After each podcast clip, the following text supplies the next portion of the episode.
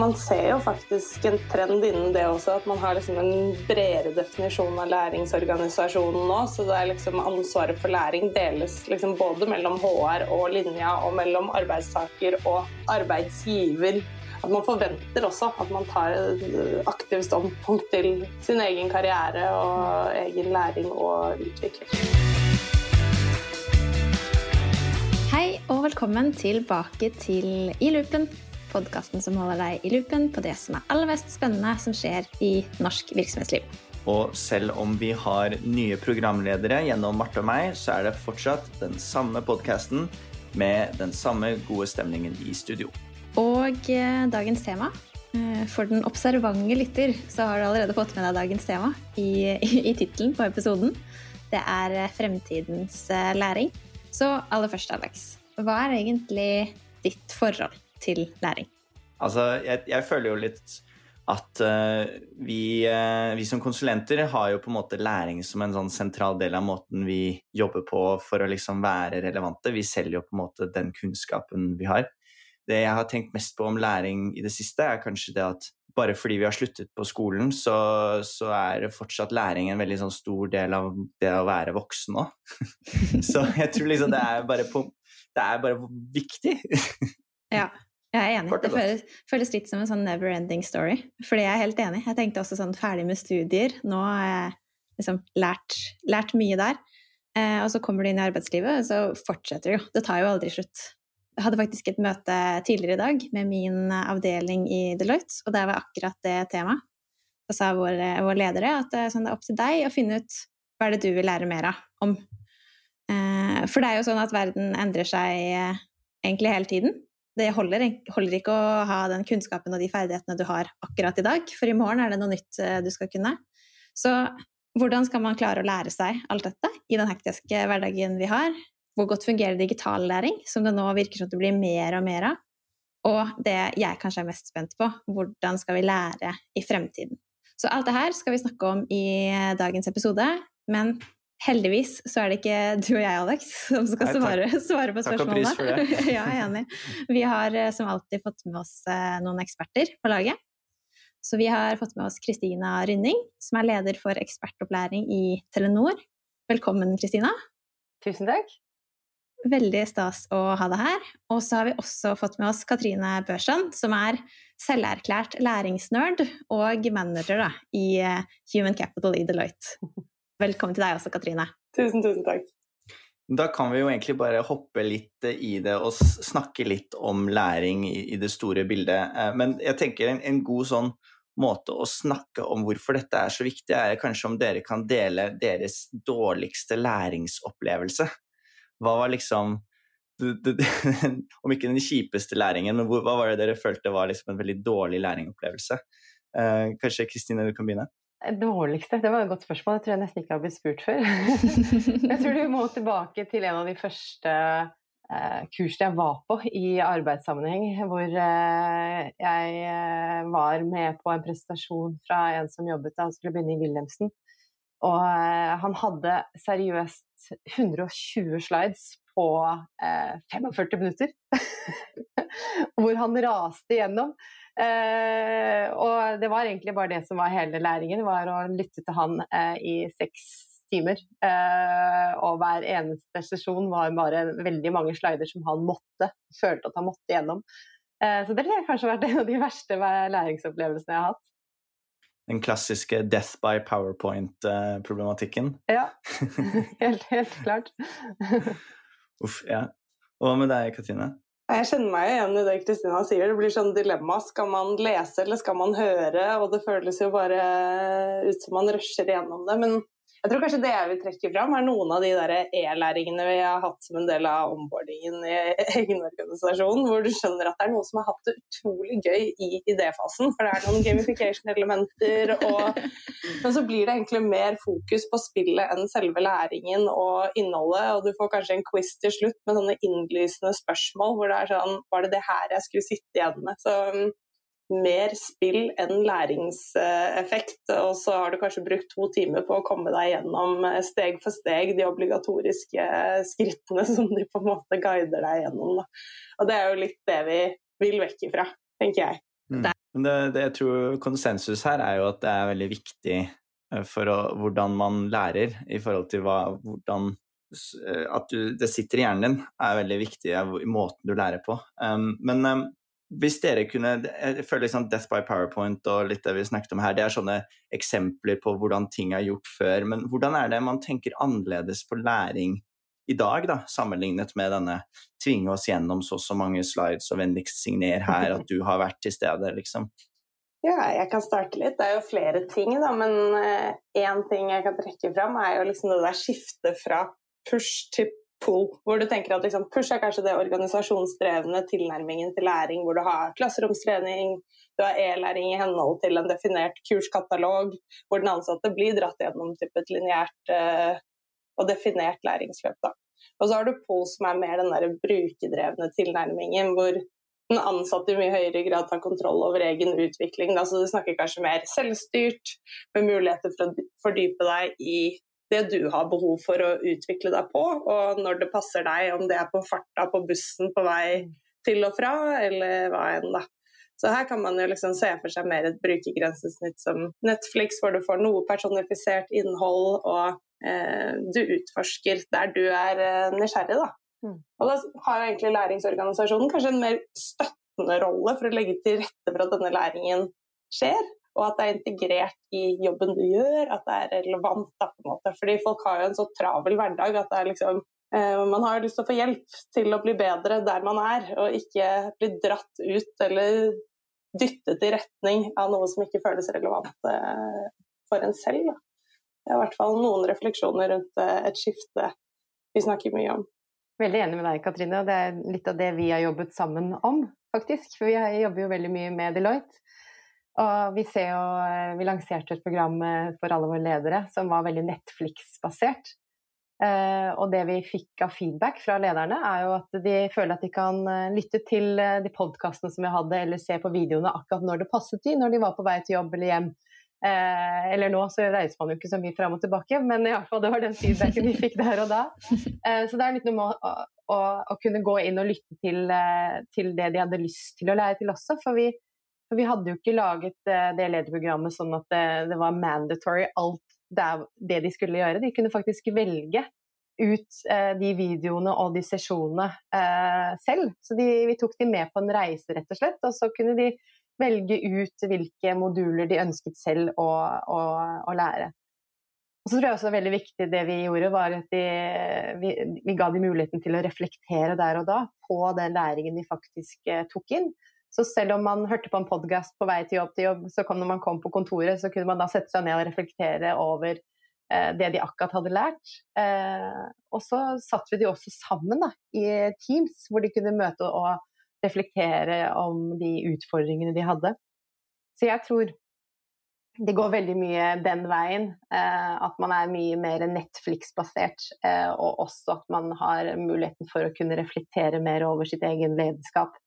Og også ta inn eh, teamet sitt til å få den feedbacken da, eh, på hvordan de faktisk gjør det. For de må jo faktisk ut og praktisere det nye de har lært som mm. leder.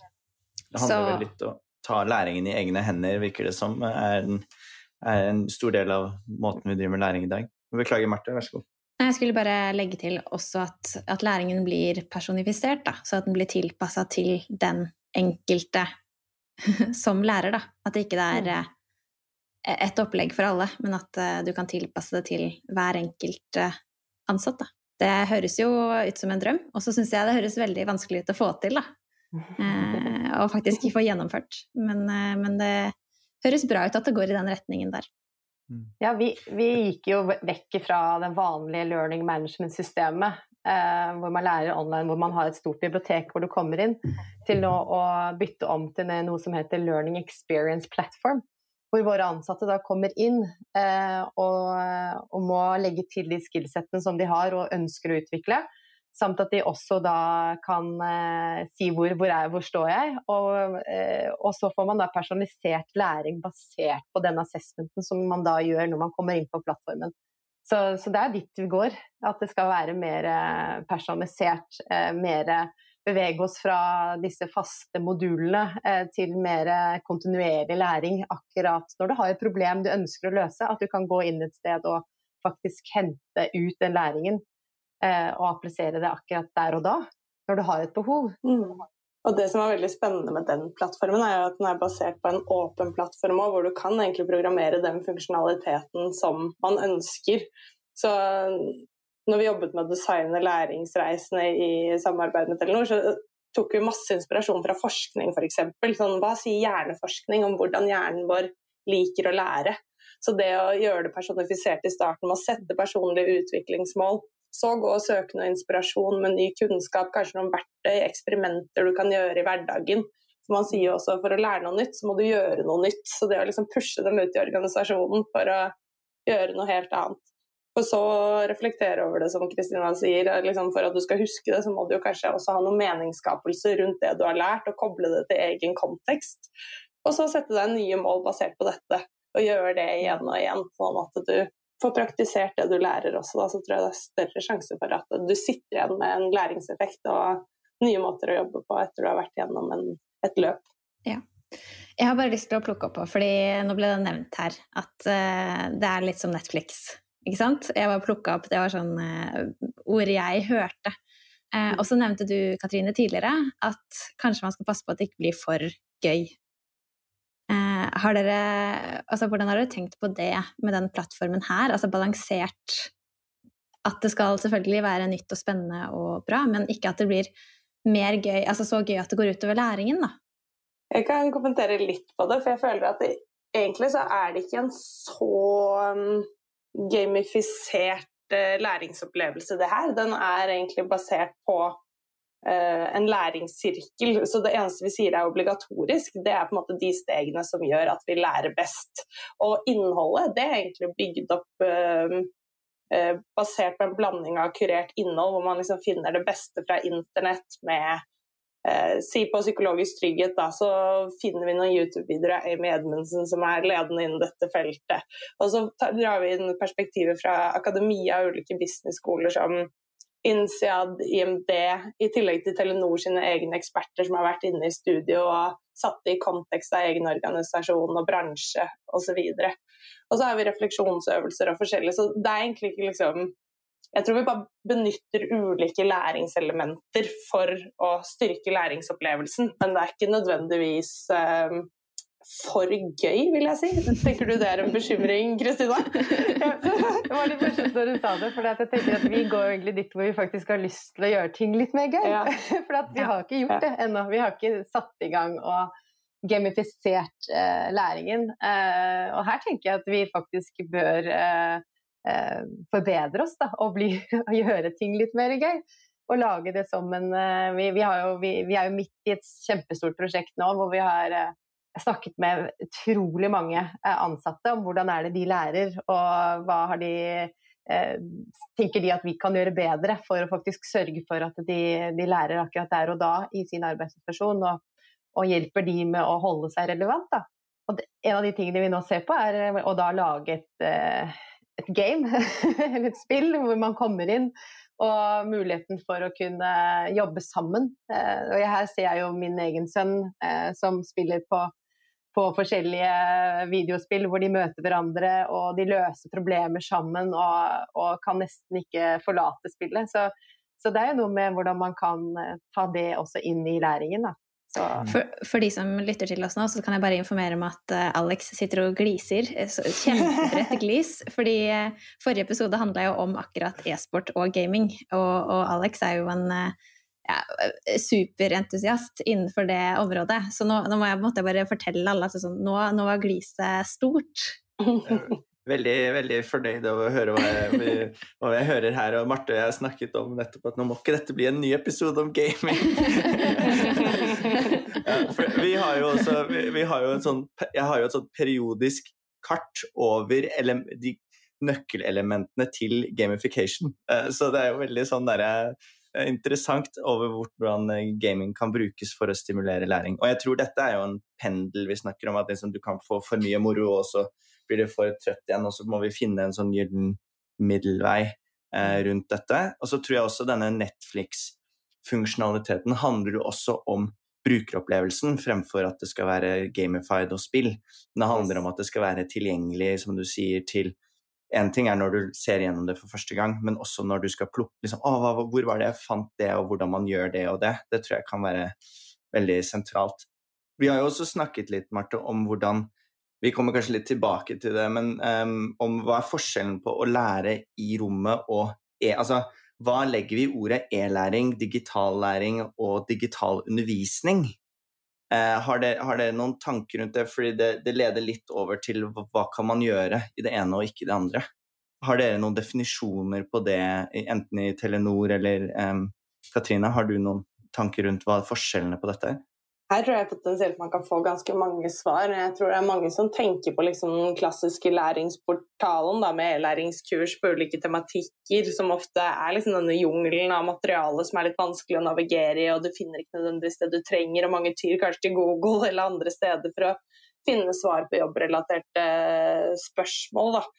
Men jeg tror mitt perspektiv på det er at liksom når vi jobber med å designe læringsreiser, så tenker vi ganske mye større enn de begrepene. Liksom utover det digitale rom. Så det å kombinere liksom e-læring, digital læring, digital undervisning, det er liksom én del av det.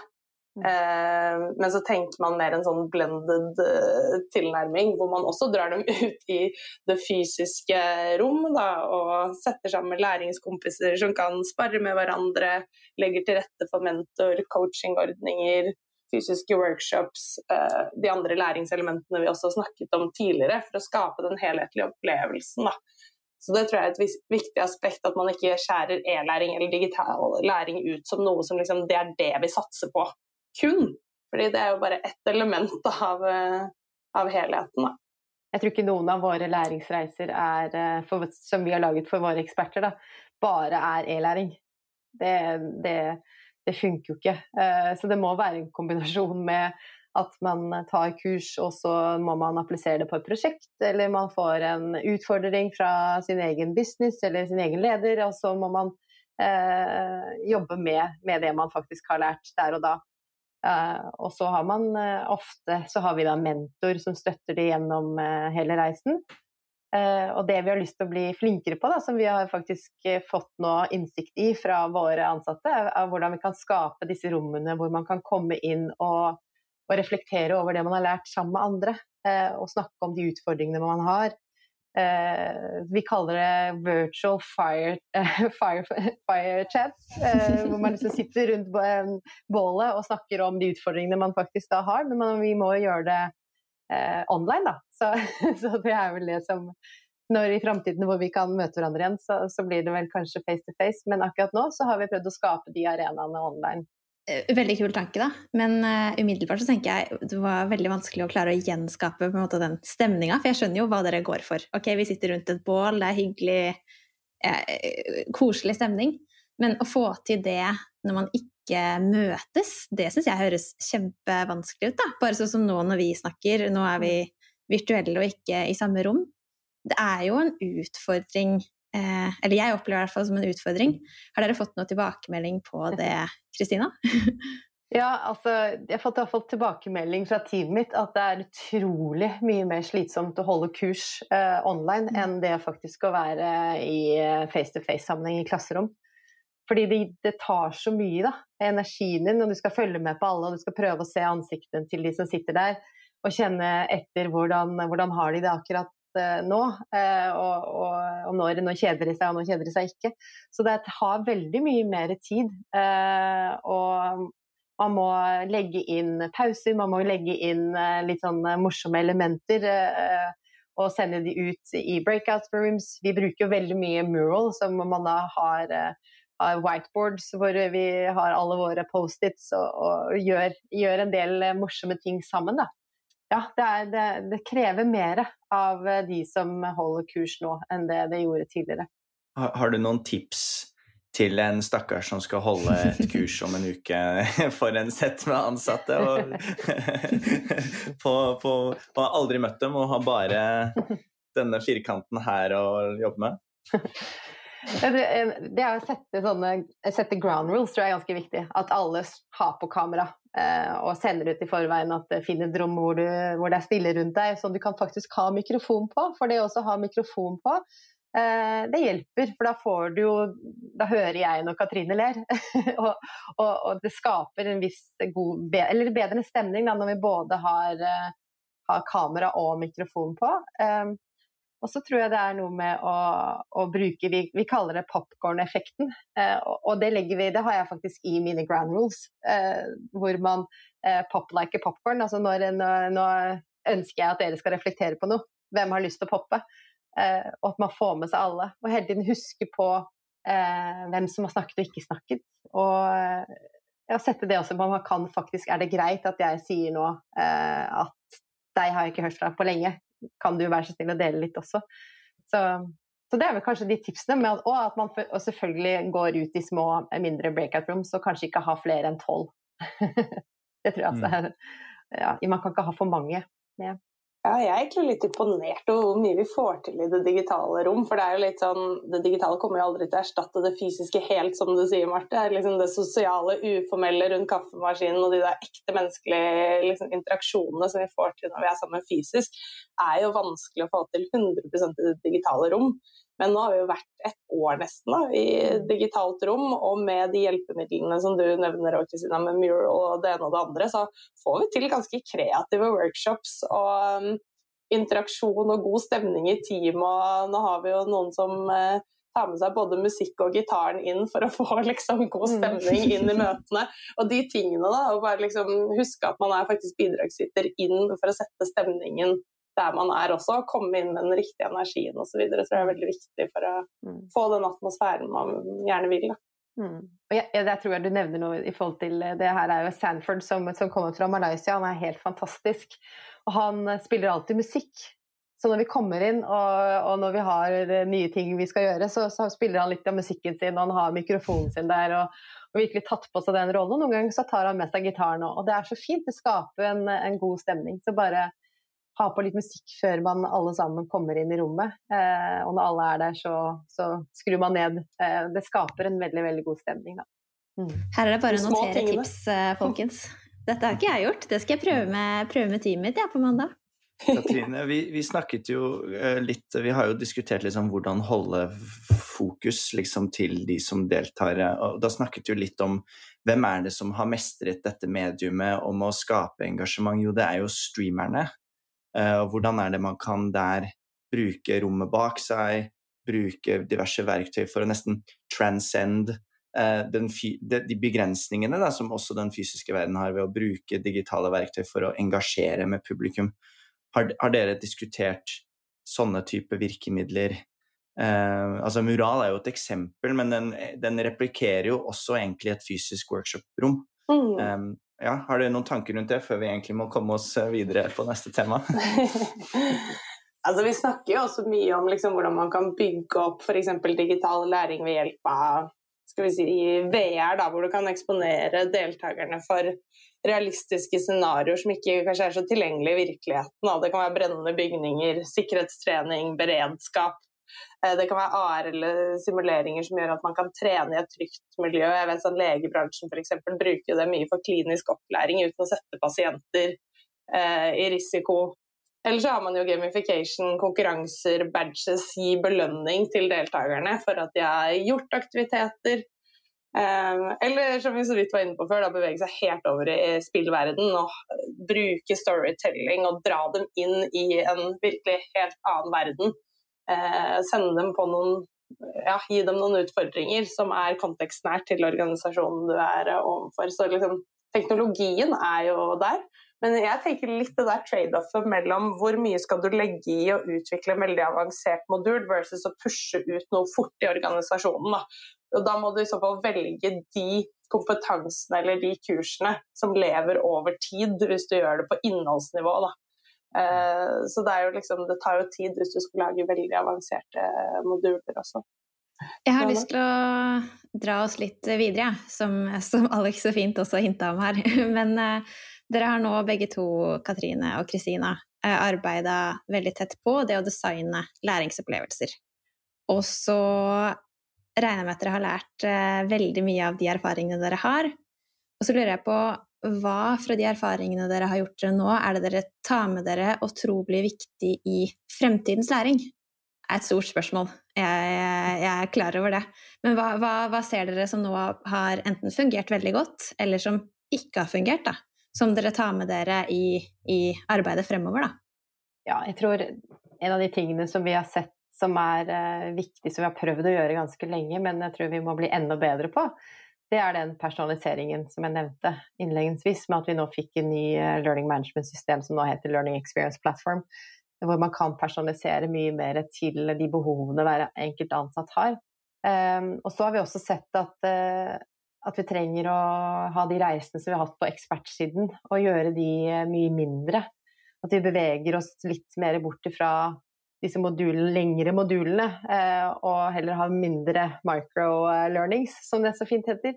Eh, hvor man kan eh, ta noe læring akkurat når det passer de, og så kan man gå ut og praktisere, og så kan man komme tilbake igjen til det læringsløpet som man da eventuelt har.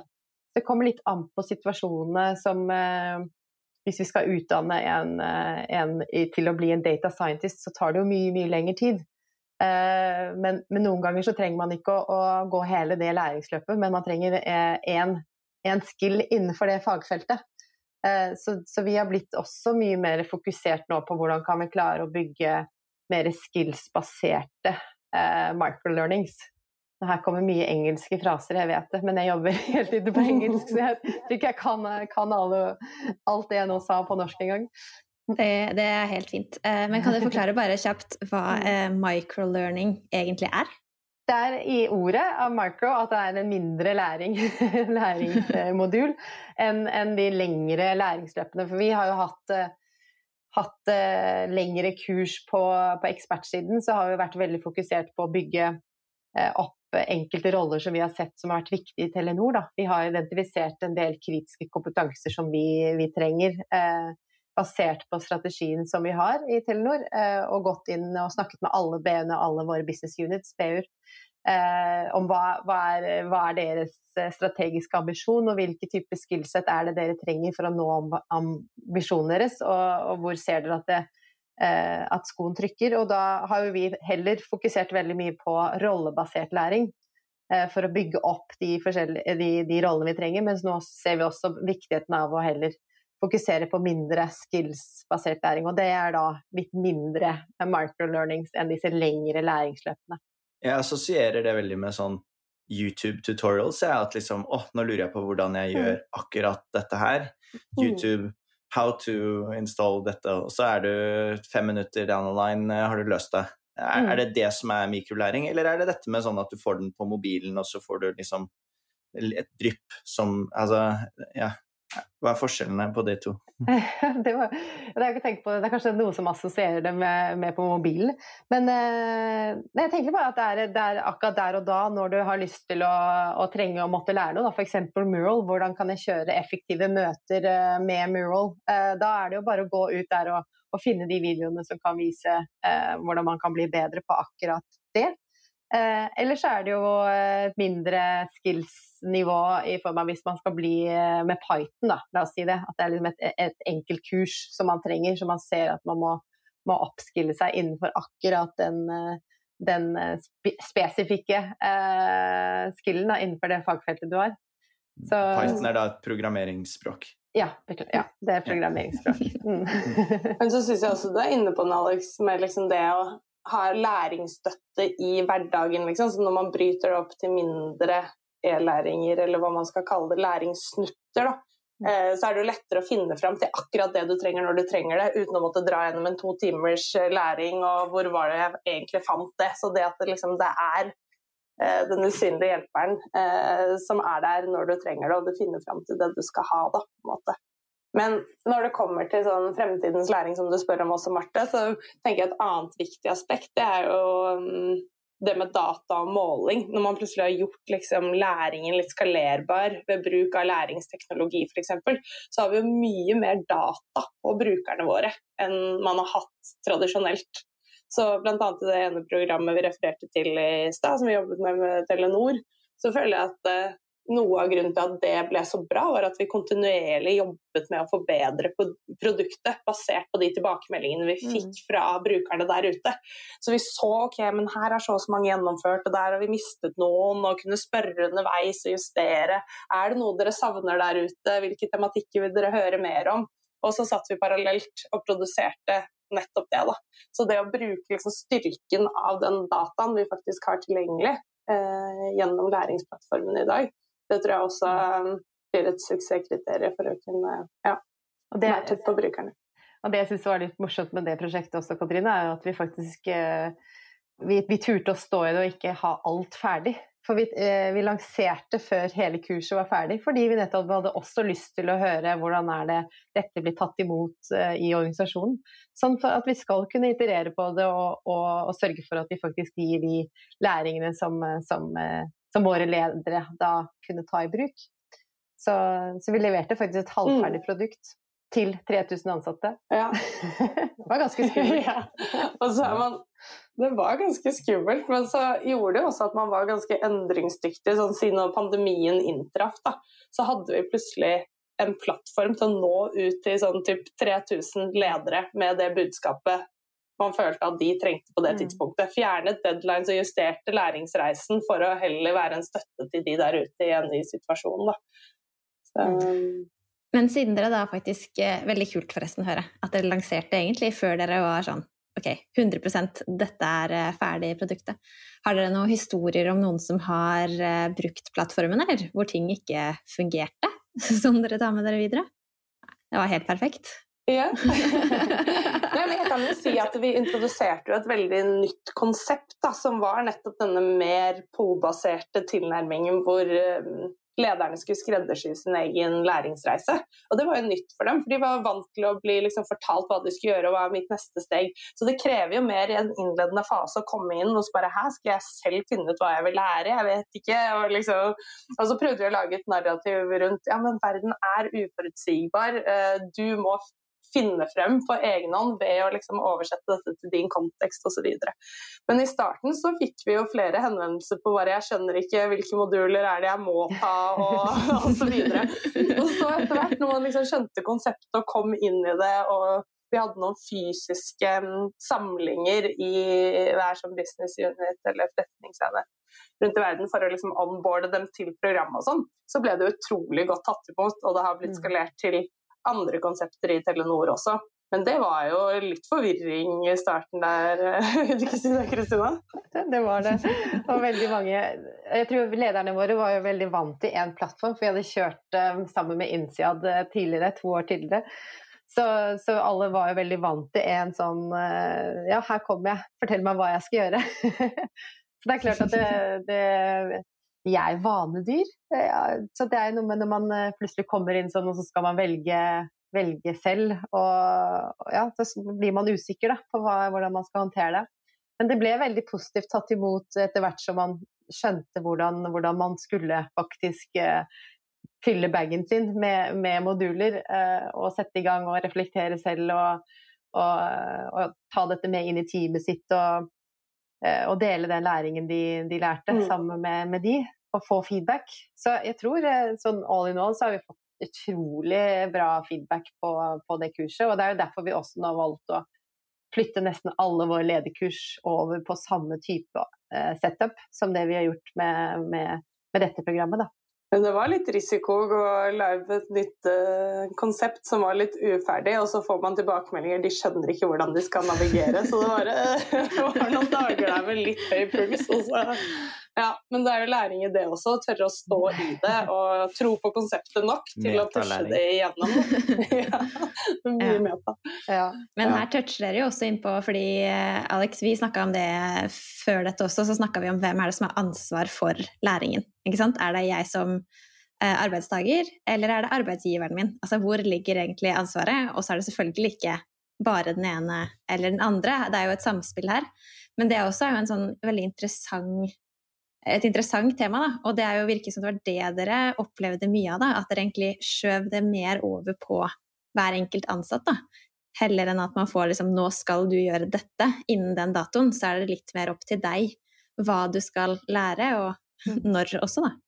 Ja, og man ser jo faktisk en trend innen det også, at man har liksom en bredere definisjon av læringsorganisasjonen nå. Så det er liksom ansvaret for læring deles liksom både mellom HR og linja, og mellom arbeidstaker og arbeidsgiver. At det er liksom mye mer At man forventer også at man tar aktivt standpunkt til sin egen karriere og egen læring og utvikling. Jeg tror det er også noe vi kanskje ikke er helt vokst opp med. Altså vi, eller for å snu det rundt, da, vi, vi, har jo på en måte vokst opp med denne skolementaliteten. At du, du, blir satt i en barnehage, og så blir du satt i barneskolen, videregående eh, gymnas. Og i, i, den perioden så er programmet satt, ikke sant. Kanskje du velger, er litt sånn Willy Nikkersen og velger liksom kreativ linje i stedet for Rørussen. Men, men når du først har liksom satt deg på det programmet, så er det fem år med et, et kjør, da. Og til og med universitetet, ja du velger Induc eller medisin, men da er det nytt kjør, ferdig lagt, skreddersydd. Noen har liksom tenkt dette for deg. Og så begynner du å jobbe, og så er det plutselig sånn free game, eh, massevis av eh, ting du skal Hvor er det programmet Hvor er, hvor er uh, berg-og-dal-banen min, ikke sant? Er, hvor er det løpet hvor jeg blir manager om fem år, og alt jeg må ha huket av inn det? Det fins jo ikke lenger. Um, så det, det, handler jo om en mye mer proaktivitet fra vår egen side i mm. form av læring og gjøre oss tilgjengelig for de mulighetene til å lære, tenker jeg. Mm. Mm. Og så tenker jeg, du, for å legge på ett et, et ord til, nysgjerrighet. det, det, tror jeg er ganske viktig. At man, man, er nysgjerrig på å holde seg relevant og lære, og har lyst til å forbedre den arbeidssituasjonen som man har, da. Eh, eller å, å, lære seg noe nytt. Så den nysgjerrigheten tror jeg er viktig. Og det å tørre å eksperimentere, da, som, som du startet med, Marte, å si at verden liksom er i konstant endring og det ene og det andre. og Det er ikke alltid vi har svarene eller kan dra deg gjennom et lineært løp. Vi må liksom eksperimentere og prøve oss fram sammen for å finne den neste X-en, for å si det sånn. Jeg hadde et spørsmål på dette temaet rundt fremtiden læring. og Når dere begynner å trekke inn at du kan begynne å velge fag eller mikrolæringer, dere har veldig mye tall på dette. Da, dette legger litt sånn en arena for meg til at jeg kan se for meg at man kan begynne å konkurrere om de forskjellige fagene. Da. Hva er de mest interessante fagene? Hvilke fag er mindre interessante? Hvordan kan jeg forbedre mitt fag slik at flere blir interessert til å melde seg opp på det? Um, og at det blir liksom det, hvis, man, det tvinger jo fram bedre fag, opplever jeg kanskje. At eh, i, i, i Norge f.eks. så må professorer holde undervisning, mens i USA så, så, må de gjøre seg fortjent til å holde undervisning, og da ser du et nivåforskjell på hvor gira de er på å levere undervisning. Er, er det litt det samme her, at liksom man får sette Det blir en sånn passiv høyere krav til læringsmateriale, fordi nå kan folk velge bort det som er kjedelig eller dårlig produsert? Det er et godt spørsmål. Vi kjører jo ofte egentlig sånn litt en kombinasjon av noe som organisasjonen på en måte pusher, som er strategisk viktig, som vi tenker at dette her er litt sånn basic for all. Dette må faktisk alle kunne for å være en del av denne organisasjonen. Det kan gå på kultur, verdier, noen kritiske kompetanser, enn. Og så legger man jo også ut materiale som vi tenker at er av verdi for en fremtidig karriere. Um, men du kan velge ulike læringsstier innen det, da, på en måte. Um, og der kan man jo kanskje risikere at det er mange som går i én retning og ingen i en annen, men um, jeg tror vi kunne diskutert dette veldig lenge, dere. Uh, men vi må begynne å runde av. Så jeg har lyst til å avslutte episoden med å spørre dere, Katrine og Kristina, hva er det viktigste lytterne skal ta med seg eh, fra denne episoden, syns dere? Hvis du begynner Ja, gjør det. Gjør det. Begynn, Kristina. Jeg syns det var litt gøy når du sa at vi, ikke måtte gjøre ting eh, mer gøy når det kom til læring. For vi har lyst til å skape og lage mer og ha det mer gøy da, når man faktisk lærer. Jeg tror eh, de, de, viktigste tingene ut fra det innsiktsarbeidet som vi nå har gjort, det er jo å viktigheten av å personalisere. Eh, og lage det mer sosialt og gøy. Eh, og så må det være relevant eh, for, eh, for, de som, eh, som, skal ta læringen. Og at vi flytter oss mer fra type episoder til mer kontinuerlig læring. Eh, at du faktisk gir våre ansatte noe akkurat når de trenger det, tror jeg er ja, viktigste tingene som jeg har fått ut ut ifra den innsiktsarbeidet som vi nå har jobbet med. Glemte jeg noe, Katrine? Nei, jeg syns egentlig det var veldig bra oppsummert. Og bare for å korrigere det at det ikke kan bli for gøy, fordi det er jo ikke en frykt du burde kjenne på. Men man må bare ikke la innholdet og essensen av læringen forsvinne i alt det rundt. Man må jo liksom gamifye det som eh, vi vil at de skal sitte igjen med, da, på en måte. Så det, det er vel der forskjellen ligger. Og så tror jeg en annen liksom, takeaway for meg til den samtalen her, er liksom bare det skjer helt sinnssykt mye spennende innen læring for tiden. Og hvordan man liksom hele tiden må holde seg oppdatert og være med å eksperimentere for å påvirke hvordan fremtidens læring vil se ut. Da. Fordi det er jo vi faktisk eh, med på å forme, og blir en veldig viktig del av å være en attraktiv arbeidsgiver for ansatte i fremtiden også. Jeg syns det var veldig gøy. Veldig fint. Da tenker jeg Vi kan jo egentlig avslutte med å oppfordre lytterne våre da, til å fortsette å lære. Og å lære det kan dere gjøre her i podkasten vår. Så egentlig er oppfordringen fortsett å lytte. Og så er vi tilbake vi om eh, to uker. Så da avslutter vi som vi pleier med å si eh, vi høres. Vi høres.